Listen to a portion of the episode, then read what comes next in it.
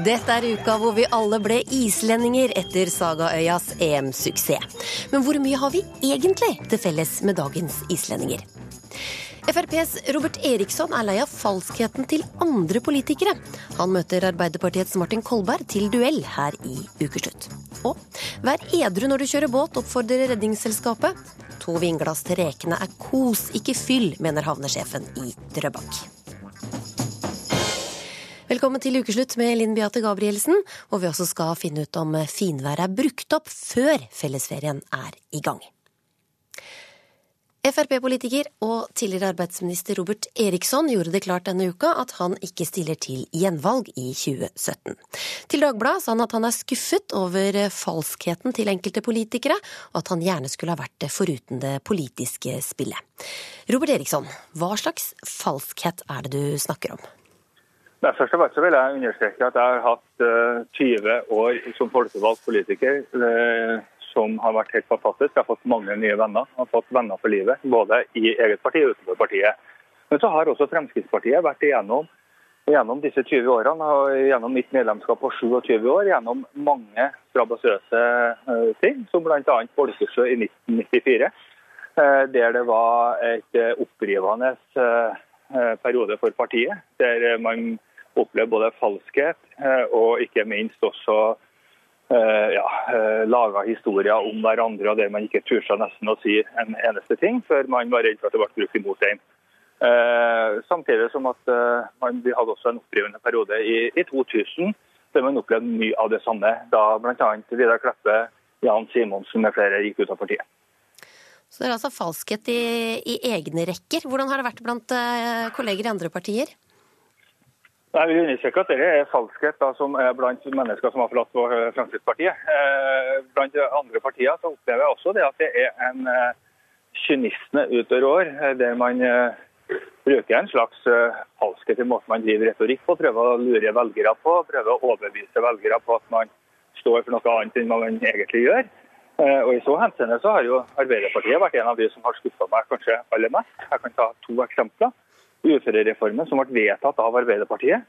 Eh, og det man da prøvde å late som at det var den eh, nåværende regjering som kunne de store skatteendringene som, eh, som ble gjort. Det var faktisk den nåværende regjering som forhindra at de uføre fikk en milliard mer i skatt, sånn som Arbeiderpartiet ville ha foreslått med den opprinnelige uførereformen.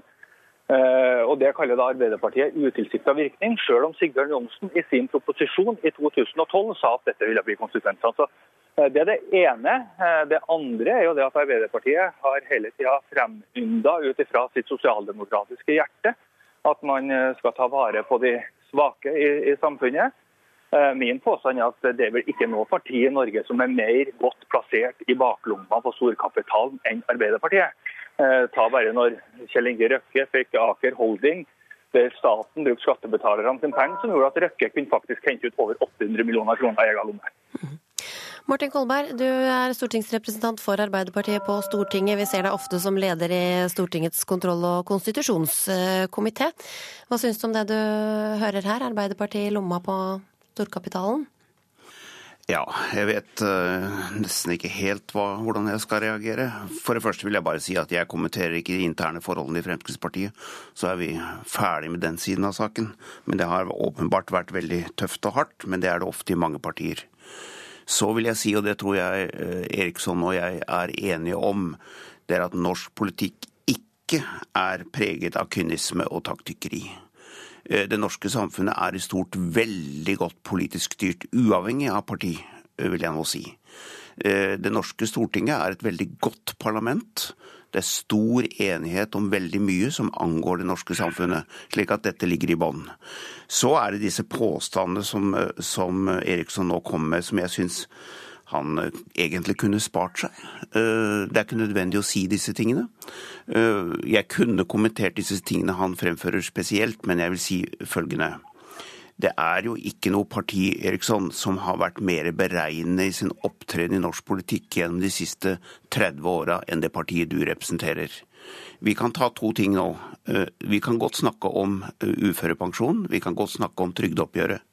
Jeg bare nevner at når du var statsråd, så laget din egen stortingsgruppe et annet løp i Stortinget enn det regjeringen sto for. Og det ble lekka et hemmelig dokument som gikk ut på at stortingsgruppa skulle fremføre et annet standpunkt enn regjeringen, selv om de visste at de ikke fikk det gjennom, for at dere ikke skulle få skylda. Det andre og det grøvste og det alvorligste eksempelet som er dagsaktuelt, er jo asylpolitikken, Eriksson hvor dere har én politikk i regjering og en annen politikk i Stortinget.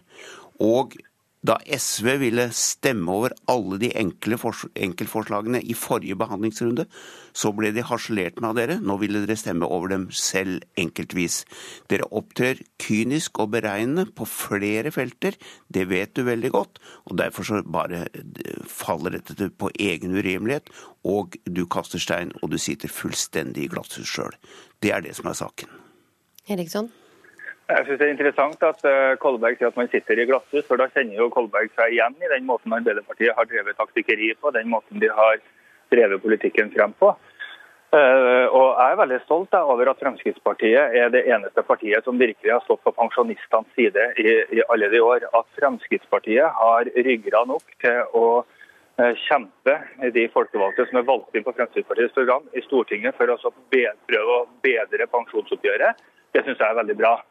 Eh, og så vet Kolberg eh, like godt som meg, og det er jeg enig med Kolberg i, at det er mange tøffe kameler og dromedarer politikere må sluke på sin ferd for å finne det optimale kompromiss og få flertall i Stortinget. Riktignok var den rød-grønne regjeringen flertallsregjering, mens Fremskrittspartiet, høyreregjeringa, er mindretallsregjering. sånn at det, det, er vanskeligere å få gjennom all den politikken som regjeringa foreslår overfor Stortinget med mindretallsregjering. Men Hvilke kameler har du måttet svelge, Eriksson? Nei, Jeg skulle gjerne ha sett at jeg har fått gjort mer eh, for de barna som eh, er alvorlig syke og, og, trenger mer, eh, mer, støtte og bedre ordninger. Jeg skulle gjerne ha ønska at jeg kom lenger på pensjonspolitikken. Jeg skulle gjerne ønska at jeg kunne fått fullført det som var oppdraget fra min partileder under landsmøtet, med at man skulle forhindre at norske pensjonister skal få negativ kjøpekraftsutvikling som følge av den uh, måten man regulerer pensjonene på. Men der hadde dere jo en slags eh, dobbeltkommunikasjon, som eh, Kolberg påpekte her. Nei, altså var, Jeg var veldig tydelig hele veien på at jeg ville sette meg ned sammen med pensjonistene for å finne fram til en mekanisme som gjorde at man ikke skulle komme negativt ut, men at pensjons Eh, altså fra, fra, år til år, og fikk negativ kjøpekraft. Men Martin eh, Kolberg, er dere mer opptatt av å gjøre det vanskelig for den borgerlige regjeringa å få gjennomført sin politikk, selv om dere ofte egentlig er ganske enig? Nei. Eh, vi, vi, står frem med vår egen politikk, og vi obstruerer ikke. Og alle de forlikene som nå er inngått i Stortinget i den senere tida på vesentlige spørsmål for Norge, viser jo at det ikke er riktig. Arbeiderpartiet er et svært ansvarlig parti på veldig, andre, veldig, mange områder. Så må jeg få lov til å kommentere Eriksson. Altså Nå sier jeg hør, Eriksson, nå, vi to kjenner hverandre godt. Mm. Altså, Fremskrittspartiet har, da de gikk inn i regjeringen, akseptert hele pensjonsforliket gjennom Sundvolden-erklæringen. Det står i papiret. Du må ikke prøve å si at dere ikke har vært med på det. Hadde dere ikke vilt gjøre det, og liksom flagga pensjonistene slik som dere gjorde før dere gikk inn i regjering, så måtte dere latt vært å gå inn i regjering. Og nå må ikke du prøve å skape et inntrykk av noe annet enn det som er realiteten. Og at det drev et notorisk dobbeltspill i forbindelse med trygdeoppgjøret, er ingen tvil om. Så må det jo ikke bli, stå, bli stående umotsagt dette jeg håper å si, litt søkte eksempelet om Røkke og lomma på storkapitalen. Har hørt på maken til tøys. Altså Det man gjorde der, var jo å sørge for norsk eierskap i et viktig industriselskap med stor betydning for norsk verkstedsindustri og for norsk oljeproduksjon. Og Det er jo klart at det er et nasjonalt spørsmål. Det er jo ikke spørsmål om å være i lomma på storkapitalen. Det er jo en forvrengning av realiteten i spørsmålet, som kanskje da er et uttrykk for det Eriksson påstår at vi driver med, nemlig en form for kynisme.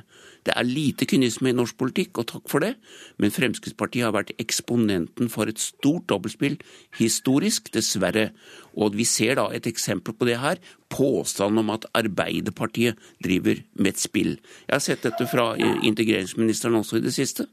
Og er det noen som driver spill vedrørende integreringspolitikken, så er det jo for all del henne og Fremskrittspartiet. Det er det alle mulige eksempler på. For å avrunde, Robert Eriksson, er det falskheten og det politiske spillet som nå gjør at du ikke stiller til valg igjen?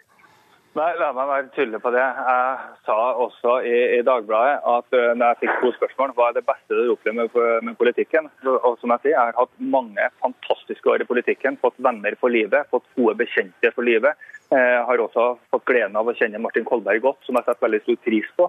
Uh, og så fikk jeg spørsmålet hva er det verste du har opplevd i politikken? Og når jeg tenker tilbake fra jeg kom inn som ungdom, med Bolkesjø, med interne oppgjør, med det jeg opplever som et taktikkeri og spill i, i, i stortingssalen fra andre politiske partier og, og, politikken som sådan, og det er harde, tøffe kamper, så tok jeg det som et, et, eksempel på at ja, det må være det negative. Men alt i alt jeg har hatt 80% bare positivt i norsk politikk. Det er bra, det er bra å høre. Mennesker. Tusen takk skal du ha, Robert Eriksson, og takk til eh, Martin Kolberg. Er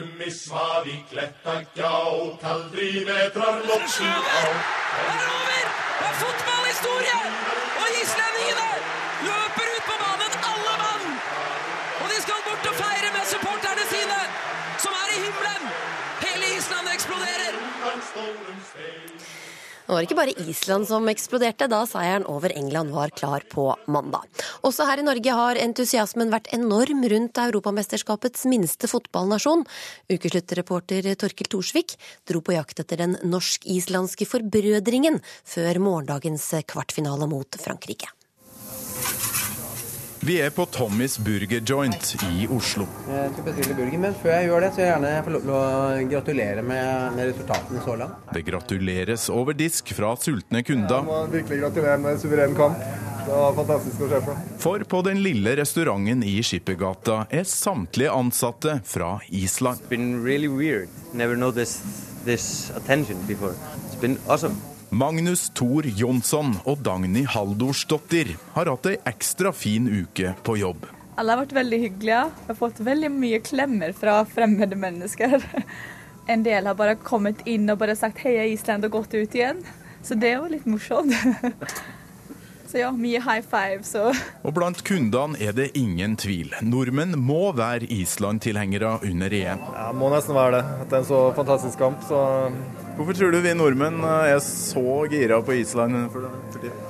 Det må vel være fordi vi er i slekt fra gammelt av, tenker jeg.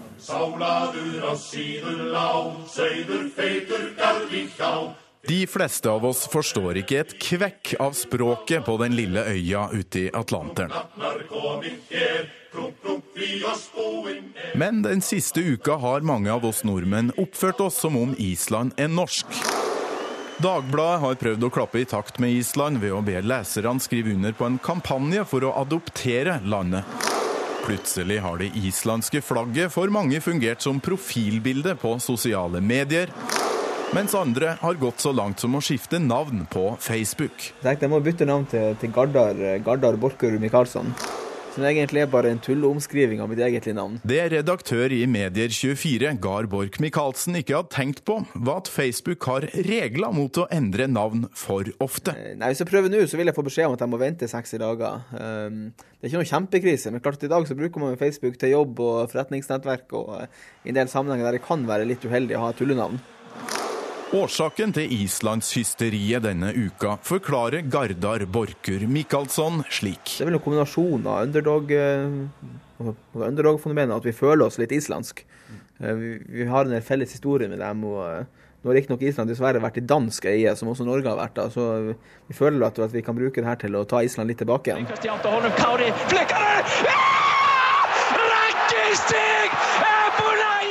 Men når vi ikke forstår et ord av det den islandske fotballkommentatoren vræler fra TV-skjermen har vi egentlig rett når vi kaller Island litt norsk? Jeg drømmer ikke vekk meg fra mine drømmer. Jeg spør en som faktisk klarer å oversette den elleville kommentatoren. Engelskmennene, dere kan gå hjem. Dere kan gå ut av EU. Og som er professor i norrøn historie ved Universitetet i Oslo, Jon Vidar Sigurdsson. Har vi en grunn til å føle et sånn brorskap? Eh, sånn, hva skal vi si, genetisk sett og kulturelt sett, eh, ja. Det var norske vikinger som var de første til å befolke Island, ifølge Sigurdsson. Men det skjedde for over 1100 år siden, så hvor mye norsk blod er det egentlig i de islandske EM-heltene som går ut på gresset i Paris i morgen? Ifølge DNA-undersøkelser så er det jo ca. 80% av islandske menn som har skandinaviske gen. Ja da, vi nordmenn kan faktisk føle oss litt ekstra stolt i morgen. 80% av islandske menn har norske gener, men blant islandske kvinner er ikke prosenten like høy. Det forklarer Sigurdsson med vikingenes hang til å ta med seg kvinnelige slaver fra tokt i utlandet. Før Island ble bosatt på slutten av 800-tallet, hadde norske vikinger herjet på Irland i tre-fire generasjoner og brakt med seg mange kvinnelige slaver hjem til Norge. Ja, ja, det er jo vikingtid, så det, er jo, eh, det blir jo naturlig. Jeg hadde sikkert gjort det samme sjøl. Over en formiddagspils på puben Scotsman i Karl Johans gate møter jeg Joakim fra Sogn og André fra Lista. Islendingene er jo egentlig sogninger, så eh, jeg er jo sogning, så det Ja, ja.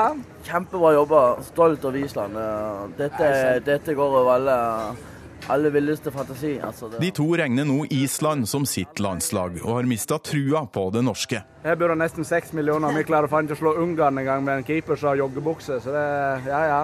Vi sier, vi sier at ja, Island er egentlig norsk. Vi vil ha de tilbake. Ja, Ja. Så vi, vi tar under Norge og Island. Det er jo som en, en fellesskap. Island vinner, vi vinner. Ferdig arbeid. Alle happy. Og tanken om å ta Island tilbake under norsk styre for første gang siden 1300-tallet er faktisk ikke så fjern blant enkelte på Sagaøya. Det er såpass mange som, eh, som er interessert i denne ideen, at jeg mener vi bør i hvert fall få til en folkeavstemning. På Skype-linje fra kafeen sin utenfor Reykjavik forteller Skuli Gudbjarnarsson at Facebook-gruppa Island, Norges 20. fylke, har over 8000 likes. Jeg har gått imot en utstrakt hånd. Skuli, som sjøl har bodd i Norge, mener Island er vanstyrt av korrupte politikere, og at landet bør bli et norsk fylke. Nå håper han EM-bragden setter oss nordmenn på samme tanke. Hvis det kan bli til noe godt, som at Norge eh, kommer på tanke med at vi kan bli forenet og vi, og vi får noe godt ut av det, om det så også blir et, et forent fotballag, det hadde ikke, ikke vært noe verre for, for min del. Og vi har felles kultur og sterke bånd som jeg mener vi bør styrke enda mer. En 150 grams eh, burger. Ideen om et norsk Island er heller ikke fremmed blant kundene på Tommys Burger i Skippergata. Kanskje vi må overta Island igjen. Altså, det er jo egentlig norsk, er det ikke det? Jeg tror kanskje Island også er mye nærmere oss enn svenskene, for så vidt. Og den siste uka er beviset på at båndet mellom Island og Norge er sterkt, mener burgerkokk Dagny Haldorsdottir. Og spesielt på mandag så var det jo de fleste som heiade på Island. De chantade våre oh, sammen med oss. Hva er greia med den derre Ja, vi er vikinger.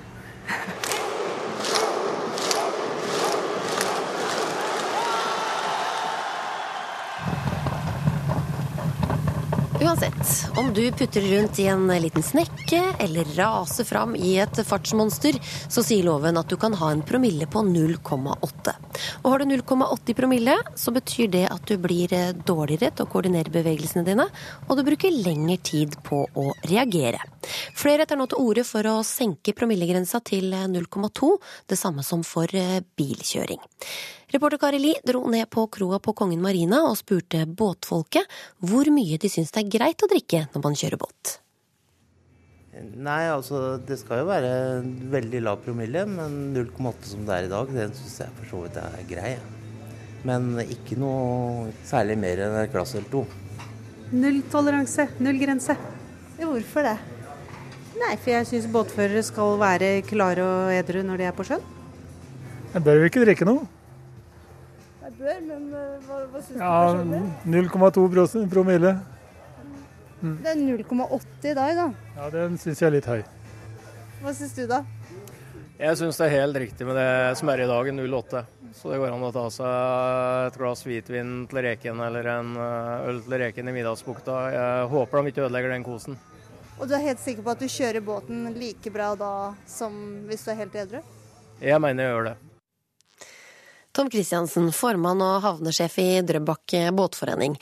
Hvordan bidrar en promillegrense på 0,8 til et hyggeligere båtliv, som du sier til Akershus Amtstidene? Jeg, jeg, synes jo det er en la meg kalle det en liten stemningsforsterker, hvis det skulle være det, da, til rekene, som det ofte nevnes her. Fordi båtlivet det, det, har noe med ferie og fritid å gjøre. Det har ikke noe med, med arbeid og rush og sånt. Og er, da er vi ute på fjorden, og da slapper vi av litt. Grann.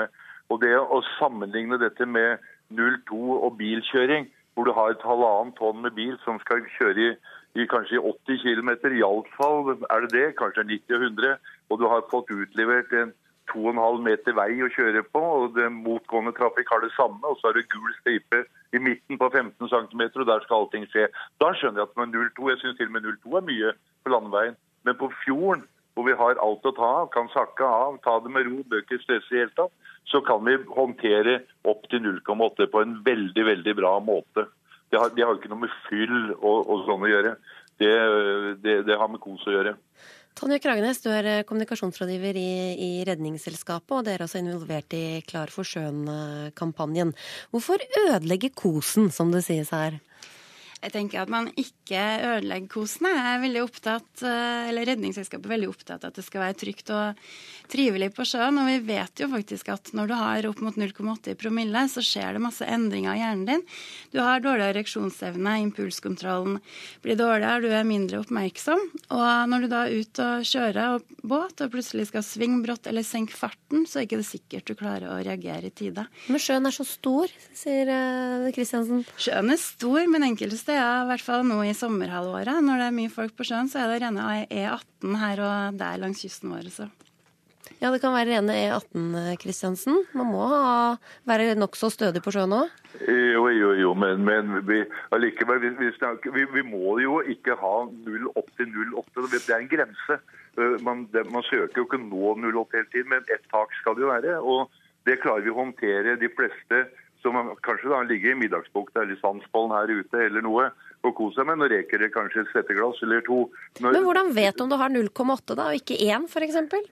Du begynner jo, så syns nok 1 da Ja, de vet jo hva de inntar. Dette er voksne mennesker som er voksne som kjøper en båt, og de navigerer og de kjører til store bølger. dette er det her, og, og, de skjønner nok fort også når, de har, når promillegrensen begynner å, eller begynner å bli litt høyt, Og du merker én i promille, da er du ikke skikka til å kjøre 08, 07, 06. Da, det, det, er ikke lenge siden det var 05 på, på landeveien.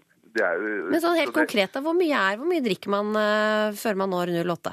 Ja, skal jeg tippe tre små støtteglass med hvitvin. Hvis man hyler det ned og så begynner å kjøre med en gang, men det gjør man jo ikke. Mm. Men vi tror kanskje at uh, enkelte gambler med denne grensa. Og det er jo ofte sånn at da har du tatt to pils, og så tar du tre, og så mister du kanskje kontrollen over hvor mange du tar. Så Det er derfor vi oppfordrer folk til å være edru når de kjører båt. For vi tror ikke at livet på sjøen eller hyggen på sjøen er avhengig av alkohol. Altså Man kan eh, legge seg på eh, svai ei utam for kvelden, eller man kan ta den ankepilsen når man har kommet til kai. Og så tenker vi òg at de andre om bord, man har jo òg et ansvar for de som båtfører. Både medpassasjerer og ikke minst de andre trafikkantene på sjøen. Jo, men Likevel vil jeg våge å påstå at vi, vi, holder oss greit under 0,8. Det er jo ikke noe mål nå 0,8, men det har jo en grense. Og, og, da er du fortsatt stiv og grei i blikket. Det, det, det, dette ser vi jo i, i praksis, at dette funker ganske bra. Når man kanskje da har reist ut og, og åpna rekeposen sin og kost seg med, med, med litt i begeret, og så plutselig så kommer skya over himmelen, og det begynner å bli mørkt, og det blir litt kjølig, og nærmere tøfler tøffelig pent hjem igjen. Så, så tøfler man pent hjem igjen. Det bør ikke nødvendigvis være full fart og full fres og inneblant og bortiblant. Jeg, jeg tror båtfører, sånn som jeg ser det her Jeg har sittet i, i, i styret her i Drøbak båtforening i sånn godt og vel 45 år. Og vi også har for så vidt nulltoleranse for å kjøre som idioter på fjorden. Og vi har heller ikke opplevd noe særlig uhell på den tiden jeg kan huske her. Ikke har vi mista noen, ikke har vi Ja, vi har stort sett holdt oss greie og rene i tøyet, som det heter. Og, og, fordi at vi har respekt for alle disse tingene her. Men skal vi skale alt dette her ned til null, at allting egentlig er helt unødig, så så tror jeg du tar litt grann av, av gnisten av, av fjordlivet. Det er, det er ikke så veldig mye av, det, av disse tingene vi har igjen som vi, hvor vi kan være litt, litt frie og franke med. Det er, det er et kjempeansvar som påhviler oss, og vi tar jo det ansvaret. Men Kragenes, ansvar Kragenes, eh, ved- ved å tillate litt promille, da, er det ikke da lettere for folk å respektere grensa? At man får lov til å ta litt, i motsetning til et totalforbud når det er forbudt så fort du bare tar deg en eh, slurk? Nei, vi tror jo at eh, folk eh, gjerne kan ta med seg de gode alkoholvanene de har når det gjelder å kjøre bil, over til sjøen, sjøl om er eh, om sjøen er større. Eh, altså, og ikke minst det at eh, man eh, satser på gode holdninger. Det tenker vi er det viktigste, ikke nødvendigvis akkurat hvor det kommaet står i promille, promillegrensen, men at folk har gode alkoholvettholdninger, og at det blir òg godt sjøvett, tenker vi. Men Kristiansen, eh, altså selv når du er på sykkel, så kan du miste lappen hvis du er så full at du sykler, eh, sykler. Hvorfor må man drikke på båt? Det er jo helt utenkelig eh, i bil. Ja, altså, Det var jo en borte på Vestlandet. ble vi bøtelagt for å ha kjørt med gressklipper. Fikk vel svær bot også for å ha kjørt gressklipper med promille. Så det finnes jo alltid noen ytterligheter sikkert i, i alle rare retninger. Men jeg syns vi konstruerer liksom opp et veldig problem for så lenge vi snakker om eh, La oss kalle det lavpromille, det er vel det vi egentlig snakker om.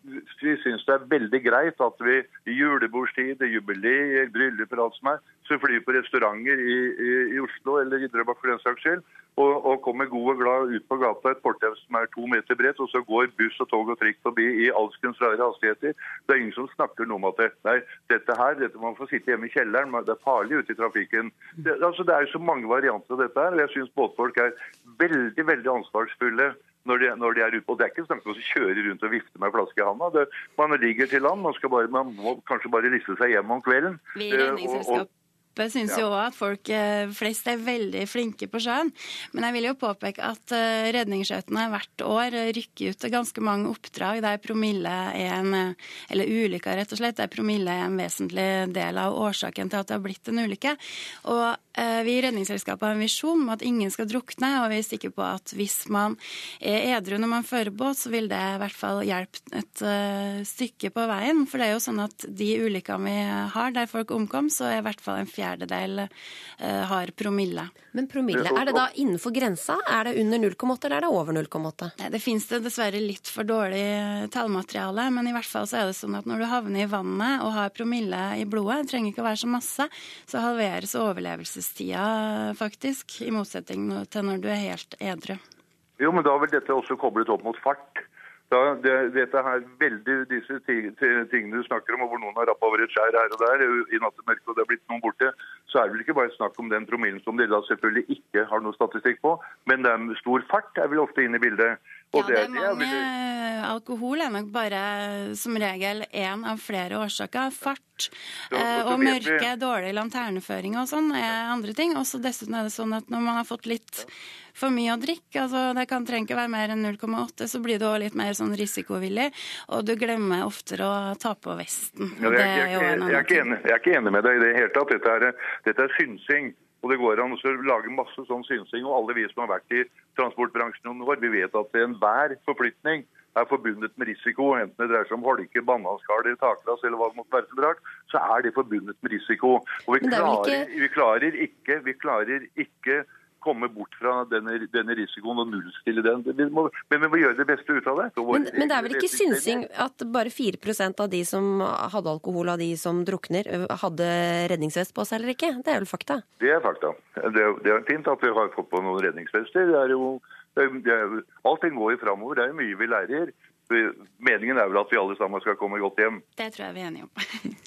Og da ankrer vi opp eh, denne debatten. Takk skal dere ha, Tanja Krangnes fra Redningsselskapet og havnesjef i Drøbak, Tom Christiansen. Mens vi venter på svar om det blir sol eller regn i ferien, så blir det mer om dette i Ukeslutt. Vi lyver om hvor mye vi trener.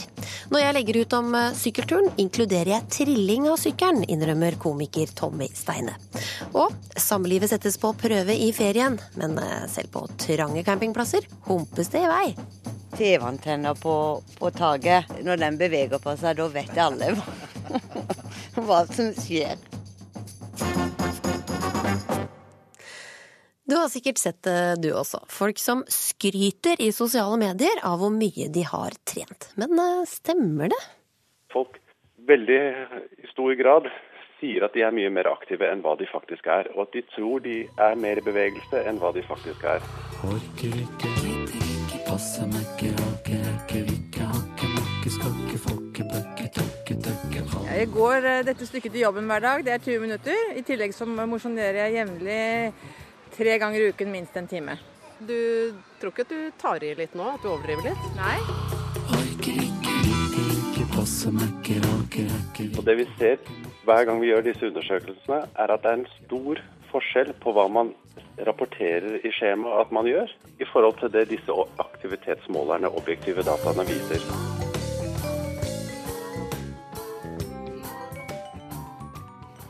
Vi hørte Helsedirektoratets Jakob Lindhave så tvil om vi faktisk trener så mye som vi sier vi gjør. 44% sier altså en ny undersøkelse fra Sentio Research at de trener minst en halvtime hver dag, mens Helsedirektoratet har målt at kun 32% faktisk gjør akkurat det. Bjørn Mosseide, du er eh, tidligere volleyballspiller, nå norgessjef på Sats Elixia. Hvorfor lyver folk om hvor mye de trener, tror du? Nei, altså alle, alle på en måte oppegående mennesker vet jo at det er fornuftig å trene. Og vi ønsker vel alle å være litt sånn fornuftige. Og, og da er det lett å så Ja, hvis du trener i 40 minutter, så har du trent en time den dagen. Eh, og Ja, men jeg, men jeg tror det kan være litt begge deler òg. Det er jo folk som så underrapporterer mengden òg. Ja, hvorfor skulle de ville det? Nei, Jeg kan jo spørre Tommy på side her hele tiden. Ja, Tommy Steine, komiker, får introdusere deg også. Ja. Hva skryter du på da, trening? Da er det jo sånn at eh, jeg er jo såpass eh, mye på bilder og aviser og sånne ting, så jeg kan jo ikke skryte på så veldig mye. Jeg blir veldig fort avslørt.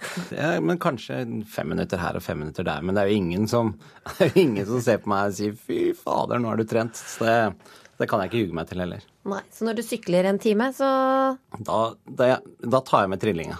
Det er ja, Er det noe du ikke forteller, da? Om, eh, hva er du holder informasjon tilbake? Ja, du, du sier jo ikke når du har stoppet på denne, denne turen. Jeg forteller ikke om pausene. Det er, det er tid fra du går ut døren til du er hjemme igjen. Jeg er jo veldig sånn som, eh, som det blir referert til her, for jeg legger ut på Facebook eh, ha, nå er jeg oppe og går på den eh, fjellet, eller nå er jeg på, og, i skogstur med bikkja og sånne ting. Og de er reelle. Det er min måte å motivere meg til at ok, da får jeg tatt bildene og kommer dit, så ser folk det. Men jeg rapporterer jo ikke alle de dagene jeg ikke gjør det. Men hvilke sportsgrener er det det lyves eh, mest, eh, Bjørn Mosseide? Nei, jeg, jeg tror eh, Altså, nå har jeg jo vært i forskjellige Jeg har vært liksom i fotballmiljøet, i volleyballmiljøet, litt i sykkelmiljøet, slalåm, eh, ja, og litt eh, løping. Så jeg vil jo sagt det som slår meg mest, er jo sykkelmiljøet. For der er det sånn at de melder seg på løp og perser det ene året etter det andre, og de trener stadig. De har alltid fått et dårlig grunnlag fram til løpet. Så der eh, sykling tror jeg det er der de trener mest i skjul. Du er selv volleyball, eh, eller har spilt eh, volleyball. Har du brukt unnskyldninger for å ikke trene? Ja, altså jeg har jo brukt mange unnskyldninger for å ikke trene, men, men generelt så var det som jeg sleit med når jeg spilte, det var liksom en sånn dårlig samvittighet for at jeg ikke fikk trent nok. For jeg visste at konkurrentene mine trente, og jeg burde trent mer, og jeg hadde liksom litt for tidlig litt sånn forretningsambisjoner som ikke var forenlig med det å trene. Så jeg må nok uh, sleit nok mer med dårlig samvittighet for at jeg ikke trente nok. Men Tommy Steine, eh, hva irriterer deg av eh, andres treningsskryt, da? Eller hva tenker du når du ser andre skryte Jeg blir ikke så irritert. Det er, jeg blir som regel da irritert på meg selv, men det er mye lettere å si at du Herregud, hvem er det han tror han er? Eh, er han ute og sykler igjen? Har han ikke noe liv? Hva med ungene hans? Det er mye lettere sånn, Men egentlig så er man irritert på seg sjøl. Jeg kjenner nesten hver dag når jeg er ute og kjører eh, Nå kjører jeg mye motorsykkel, eh, så ser jeg at jeg heller burde kjørt sykkel. Eh, og da er de et veldig irritasjonsmoment. Jeg syns alle syklister da er utrolig irriterende. ja, det er det. Men hvilke grunner har folk da for å, for å skryte av trening? Altså, det kan jo slå litt tilbake, som vi snakker om her òg. At uh, han ser jo ikke så trent ut, liksom. Nei, det er jo sånn Jeg har jo skrevet både om trening og om antall kilo jeg har gått ned og sånt noe. Så hvis alt det nå Og det har jeg bare rapportert de tilfellene hvor det stemmer. Men jeg har jo ikke rapportert de tilfellene jeg går opp igjen eller spiser eller noe sånt nå. Så hvis du legger sammen de, så skal jeg veie rundt 16 kilo eller noe sånt nå. og det gjør jeg for så vidt med 100 foran, så det er eh, Men jeg tror um, uh, ulempene det medfører seg å drive med det der, er jo at folk tar det ikke seriøst etter hvert. Hva er den verste hva skal vi si, avlysningsgrunnen du har hørt? At du dropper treninga? Nei, altså jeg, jeg tror eh, altså For oss som driver i satseleksia, så, så er det klart hvis det er fullt på timen og vi får masse avlysninger, så er det folk som ikke får trent pga. det var fullt. Så det syns jeg er, er, dumt, og det er av og til så kan det være et problem. Men eh, altså for folk flest så vil jeg sagt det er ikke noe galt i å avlyse ei trening. Det er på det jevne som gjelder, og er det kjempefint vær ute. Ny dagen. Vi har ni måneder i året med stygt vær i Norge, så jeg har et veldig sånn avslappa forhold til det. Og, og det, jeg er jo kommet i den kategorien der sjøl nå, der jeg, jeg skal jo ikke vinne noe neste uke. Sånn, det handler Vi er kommet i vedlikeholdsmodus. Jeg vet ikke om du er der, Tommy, men Nei, men altså, det handler om ja, ja, men det handler om liksom, å ta vare på å ha en funksjonell kropp når du blir voksen. Eh, Og da, om du avlyser ei trening det er ikke Så lenge du har betalt først, så er det greit. Så kan du, kan du bare Ja. avlyse. Ja. Du må betale for timene, og så er det samme om du kommer eller ikke. Nei. Det er mange støttemedlemmer. Noen som undersøkte en ca. 15% som eh, sa de trente mindre enn én gang i uka. Det kunne jo blitt uh, veldig fullt da, hvis eh, alle støttemedlemmene også trente. For å si det sånn at vi har som mål at alle medlemmene våre skal være aktive, eh, og helst hos oss. Eh, men, men vi vet òg at folk som ikke er aktive, de slutter hos oss. Det er bare snakk om et tidsspørsmål. Hvilke unnskyldninger eh, gir du deg selv til å ikke trene? Og det er alle. Det er, det er veldig lett. Så unnskyldninger er det letteste i hele verden.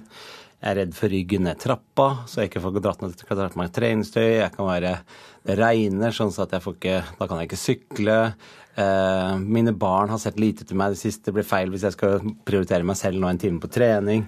Og jeg har jo også vært sånn støttemedlem og kjøpt sånne PT-trener og sånne ting, og da, da måtte jeg være mer kreativ. Ja, men, var, ja, men var ikke det en, når du kjøpte PT, var ikke det en god opplevelse? Det, jo, altså god, da tenker du sånn for kroppen? Ja, sånn generelt. Altså, Her, ja. Jeg kan tenke meg, for det, det, det var det Se, du skulle se, ha. han ser på meg, du ser ikke det på han. jeg ser- Jeg ser på kroppen din at du har hatt godt av flere PT. Eh, Nei, men det er jo det er, det er den dørstokkmila. Um, og den tror jeg er Og det opplever selv sånne hverdagsfeite som meg, som um, eh, opplever det veldig tydelig. Det jeg har fått på meg treningstøyet, så er på en måte mesteparten av treninga gjort. Så det er bare å, å prøve å lage noe positivt rundt det å kle på seg treningstøy. Ja, men jeg vil jo også si det i forhold til trening og, og folk flest, er det sånn at eh, vi, vi tenker jo alltid at trening det skal være så gøy, og det skal være sånn sånn. Men jeg sier du skal ha litt sånn innstilling at det er som å gå til tannlegen noen ganger. Alle går til tannlegen, vi liker det ikke, men du går der for det. Ja, så det er litt kjipt Ja, det, å trene. noen ganger så er det det. Jeg har aldri opplevd at det er deilig å trene. Men det, men det er ganske bra etterpå. Ja, det er det. Ja. Den der følelsen etterpå når du sitter i sofaen, den er helt fantastisk. Men akkurat mens du holder på, jeg har aldri syntes det har vært gøy å løpe. Jeg syns sykling ikke er gøy før jeg er ferdig. Uh, det er hvis det er ball. Eh, Når jeg, drev og spilte, jeg var jo så heldig å spille volleyball omtrent på samtidig, selv om han er betydelig mye eldre enn meg. Så, uh, så spilte jeg. Så når det er ball, har vært ball involvert i treningene mine, så var det lettere å motivere seg. Jeg syns det var morsommere. Altså. Du blir ikke, merker ikke sliten. Ja, og du får en lettere start. Ja. Tusen hjertelig takk, komiker Tommy Steine og Bjørn Måseide fra Sats Elixia. Syklistene har eh, akkurat eh, startet eh, Tour de France i vakre Mont Saint-Michel, og etappe for etappe skal de slite seg helt fram til Champs-Élysées 24. juli, med håp om i det minste ha båret ledertrøya en gang eller to. Kommentator her i NRK, Dag Erik Pedersen. Alexander Kristoff, han har lovet familien en vannskuter for hver etappe han vinner under årets Tour de France. Tror du det kan bli dyrt for han? Ja, jeg tror eh, familien fort vekk kan ha en par-tre vannskutere når Tour de France er ferdig. Men eh, det er jo en kul måte å si det på, da. Han går for et, eh, etappeseieren. Det er ikke tvil om noe annet. Han skal ikke kjøre OL. Han missa i fjor. Fikk ikke noen etappeseier, og det er klart det betyr mye for han. Og så har han vel da kommet på det gode argumentet at, at det kunne være kjekt med noen vannskutere. Jeg skal jo være hjemme i hele august i, i, i Stavanger, så det kan være kjekt. Så det er, det er en kul måte å si det på. Hvilke tapper er det de norske har en sjanse på, da? Det er ganske mange. Kristoff har vel en seks-sju rene etappemuligheter, eh, hvor, det, hvor vi forventer at det skal bli knallhard kamp mellom sprinterne. Edvald Boasson Hagen, som kanskje i det mer tyngre type terrenget er vårt sterkeste kort, er i kjempeform, ble norgesmester og har vunnet mange kule løp i år. Eh, Er en rytter som kan vinne andre type ritt, eh, andre type etapper enn det, enn det Alexander Kristoff kan. Så har vi to debutanter, eh, Sondre Holst Stenger og vi har eh, Vegard Breen, som begge to kan glimre til med både et eh, kult brudd som kan gå inn, et sånn såkalt TV-brudd som kan gå helt til streken.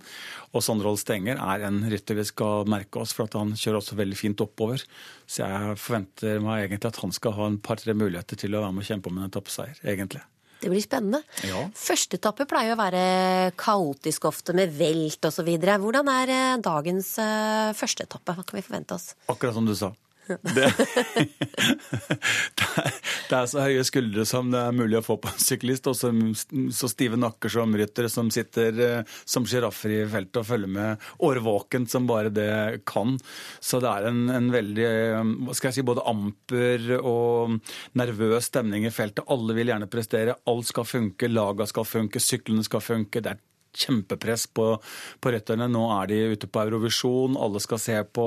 Det er eh, idrettsfeber i Frankrike, det er fotball-EM, det er Tour de France. Kan de forvente noe støtte fra, fra sidelinja, holdt jeg på å si, fra folk? Ja, det er så masse folk eh, på hver etappe, så regner man med at det er om lag en million mennesker som ser det live. Så er det Og nordmenn også? Ja, det er veldig mye rødt, hvitt og blått der nede. Og jeg tror det kommer til å bli enda mer i løpet av uh, siste halvdel av Tour de France inn mot Champs-Élysées, Alpene, uh, og selvfølgelig noe av uh, Uh, noe av avslutningen, tror jeg, og særlig inn mot Champs-Élysées. Det, det er liksom det norske Det er der nordmenn drar ned, altså. Tusen takk, Dag Erik Pedersen. Og dagens etappe kan vi følge med på her i NRK Radio fra klokka 14. Først på NRK Sport eh, på DAB, og så i P1 etter hvert.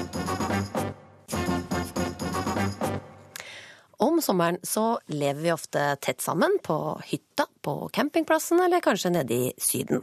Lite plass og mye tid sammen kan slite på mange parforhold, og derfor er august gjerne høysesong for parterapi.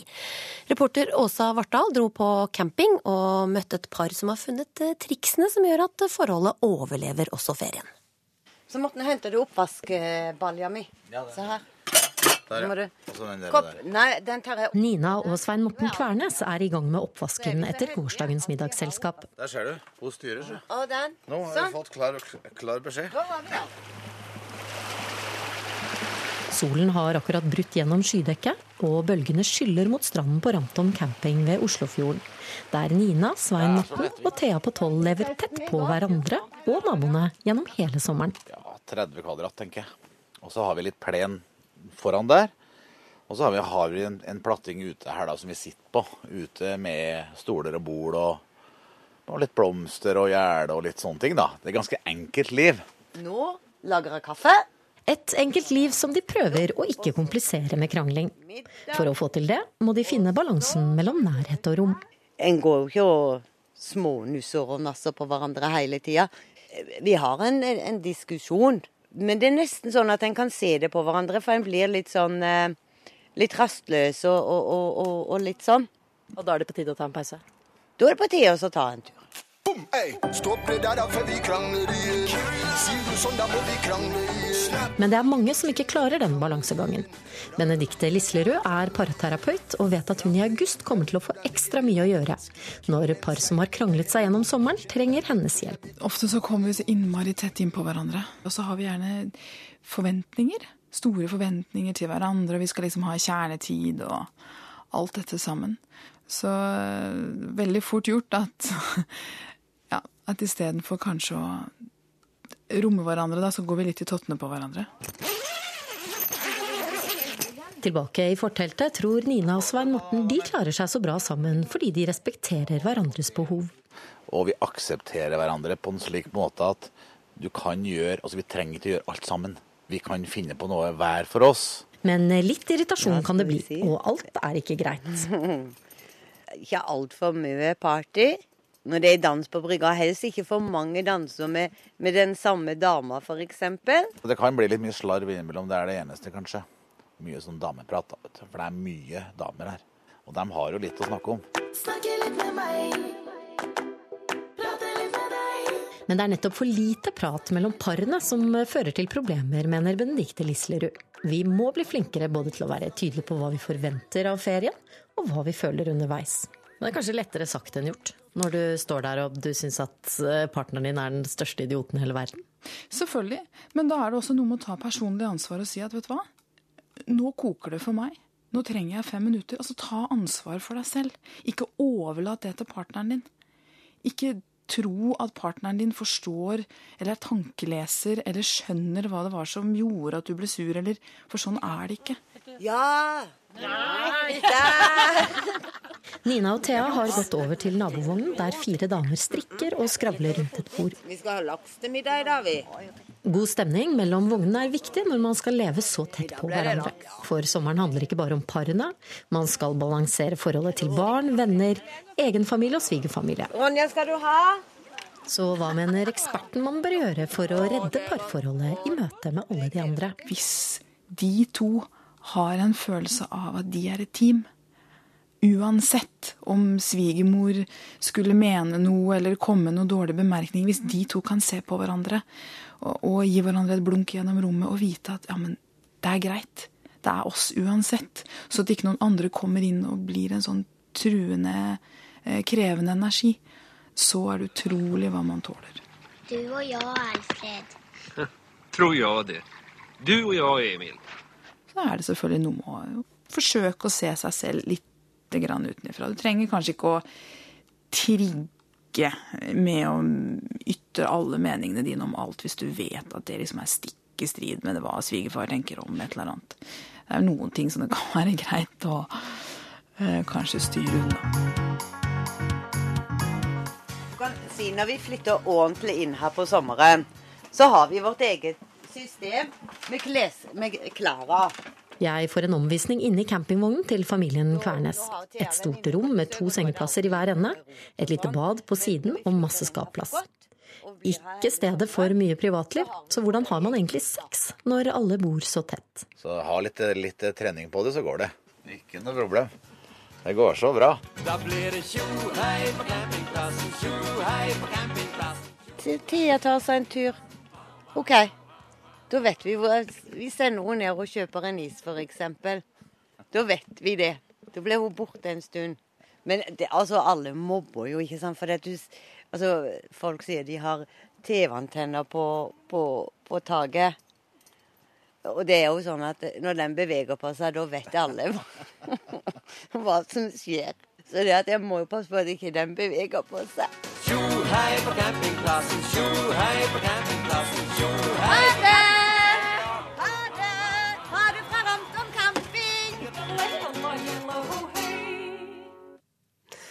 Juli det er jo den store sommerferiemåneden for eh, mange, men eh, bortsett fra i nord så kan det se ut som om sommerværet har tatt en eh, liten pause. Og statsmeteorolog Terje Alsvik Valle, din kollega Jon Smith sa tidligere i sommer at vi kan ha brukt opp sommerværet fordi det er begrensa hvor mange gode perioder vi, vi pleier å få her til lands. Har vi brukt opp sommervarmen allerede? Jeg skjønner hva han mener, for det er klart i en sånn vanlig sommer så har vi ikke sånn veldig veldig mange varme dager. Vi hadde jo mange varme dager i juni og mai også her i sør. Nå har vi tatt en pause, som du sier, men jeg tror nok vi får eh, flere dager. For somrene de kommer i alle slags eh, fasonger, så noen somre har mange varme dager, mens andre har få. Sånn at eh, selv om vi har en pause nå, så er det jo god sjanse for at det kommer tilbake en eh, varm periode senere sommer. For det er jo tross alt bare starten av juli foreløpig. Så en sånn fin forsommer som eh, vi har hatt de fleste steder i år, det sier ikke noe sånn erfaringsmessig om hva som venter resten av sommeren? Nei, egentlig ikke sånn, ikke noe klar sammenheng. i hvert fall. Man kan jo ha som sagt, en bra forsommer og likevel ha en fin sensommer. Men Ofte da, så vil jo det godværet ta en pause, i hvert fall. Da man har ikke godvær som kontinuerlig fra, fra mai til august. Det har man aldri. Så man vil jo ha pauser uansett i godværet, og akkurat sånn pause har vi akkurat nå. For nå ligger vi feil plassert i forhold til høytrykkene og lavtrykkene. Så nå er det kjøluft fra Atlanterhavet som blåser innover Sør-Norge, mens eh, Finnmark og Troms f.eks. har varm vind fra Russland i dag. Da, så der, der er det jo skikkelig bra i dag. Men eh, hvor lenge må vi vente da på skikkelig sommervær igjen over eh, hele landet? Vi må nok vente i hvert fall et par uker. Altså Se på de prognosene som strekker seg nå et stykke inn i uh, juli, så ser det ut som den værtypen vi har nå, mer eller mindre varer et par uker til. Da, sånn at vi ikke kommer inn den ordentlige varmluften. Så hvis man har temperaturer langt oppe på 20-tallet, bortsett fra denne helgen i Finnmark, så ser det ikke ut til at den kommer tilbake med det aller første. Så må man ganske langt sør Europa for å finne den uh, den varmeste luften i uken som kommer nå, eller uken ned som kommer nå. Mm. Så jeg tror vi hvert må se forbi midten av månedene før vi kan få en ny sånn godværsperiode som dekker store deler av landet vårt. Så vi får vente en stund til, tror jeg, før vi får Men en fin dag innimellom kan man få, men ikke sånn langvarige godværsperioder. Men ingen grunn til å hive seg på panikktur til, til Syden ennå? Det er håp? Det er håp man skal ja. ha litt håp til. Det er tross alt bare starten av juli, så litt til må vi vente før vi gir opp den sommeren her. Ja, ja. La oss høre hva slags vær vi må forberede oss på nå i helga, da. Ja, og nå er det jo veldig varmt. Deler av Nord-Norge har temperaturer godt opp av 20-tallet i dag. Mens i sør så er det jo regnbyger som eh, dominerer. Det blir lettere etter hvert nå østafjells i dag. Og i Nordland så er det økende mulighet for regnbyger utover ettermiddagen og kvelden i dag. Og i Troms enkelte byger til kvelden. Og i Finnmark så blir det oppholdsvær og varmt eh, resten av dagen. I morgen så er det særlig Finnmark som får det aller varmeste landet, landet, været i landet, med over 25 grader flere steder i Øst-Finnmark, faktisk. Men en kaldfront med enkelte regnbyger kommer inn vest i løpet av eh, dagen. I Troms og Nordland kommer en frisk vind fra sørvest i morgen med noen regnbyger, og temperaturen vil falle noen grader allerede i morgen. Trøndelag og Vestlandet får også en sørvestlig værtype med regnbyger som kommer og går igjen dagen, og relativt eh, kjølig i morgen. Noen, noen regnbyger passerer deler av Østlandet først på dagen, men ellers perioder med sol i morgen, men ikke spesielt varmt. Og nord for Oslo kan det gå enkelte byger frem til ettermiddagen. Tromsø har nå 21 fine grader. Trondheim 19, Bergen 12, Kjevik, Kristiansand 16 og Blindern Oslo bare 13 grader i regnværet. Og dermed takker eh, Ukeslutt for eh, følget i dag. Ansvarlig for eh, sendinga det var Kari Li. Teknisk ansvarlig Marianne Myrhol. Og i studio hørte du Linn Beate Gabrielsen. Ha det godt.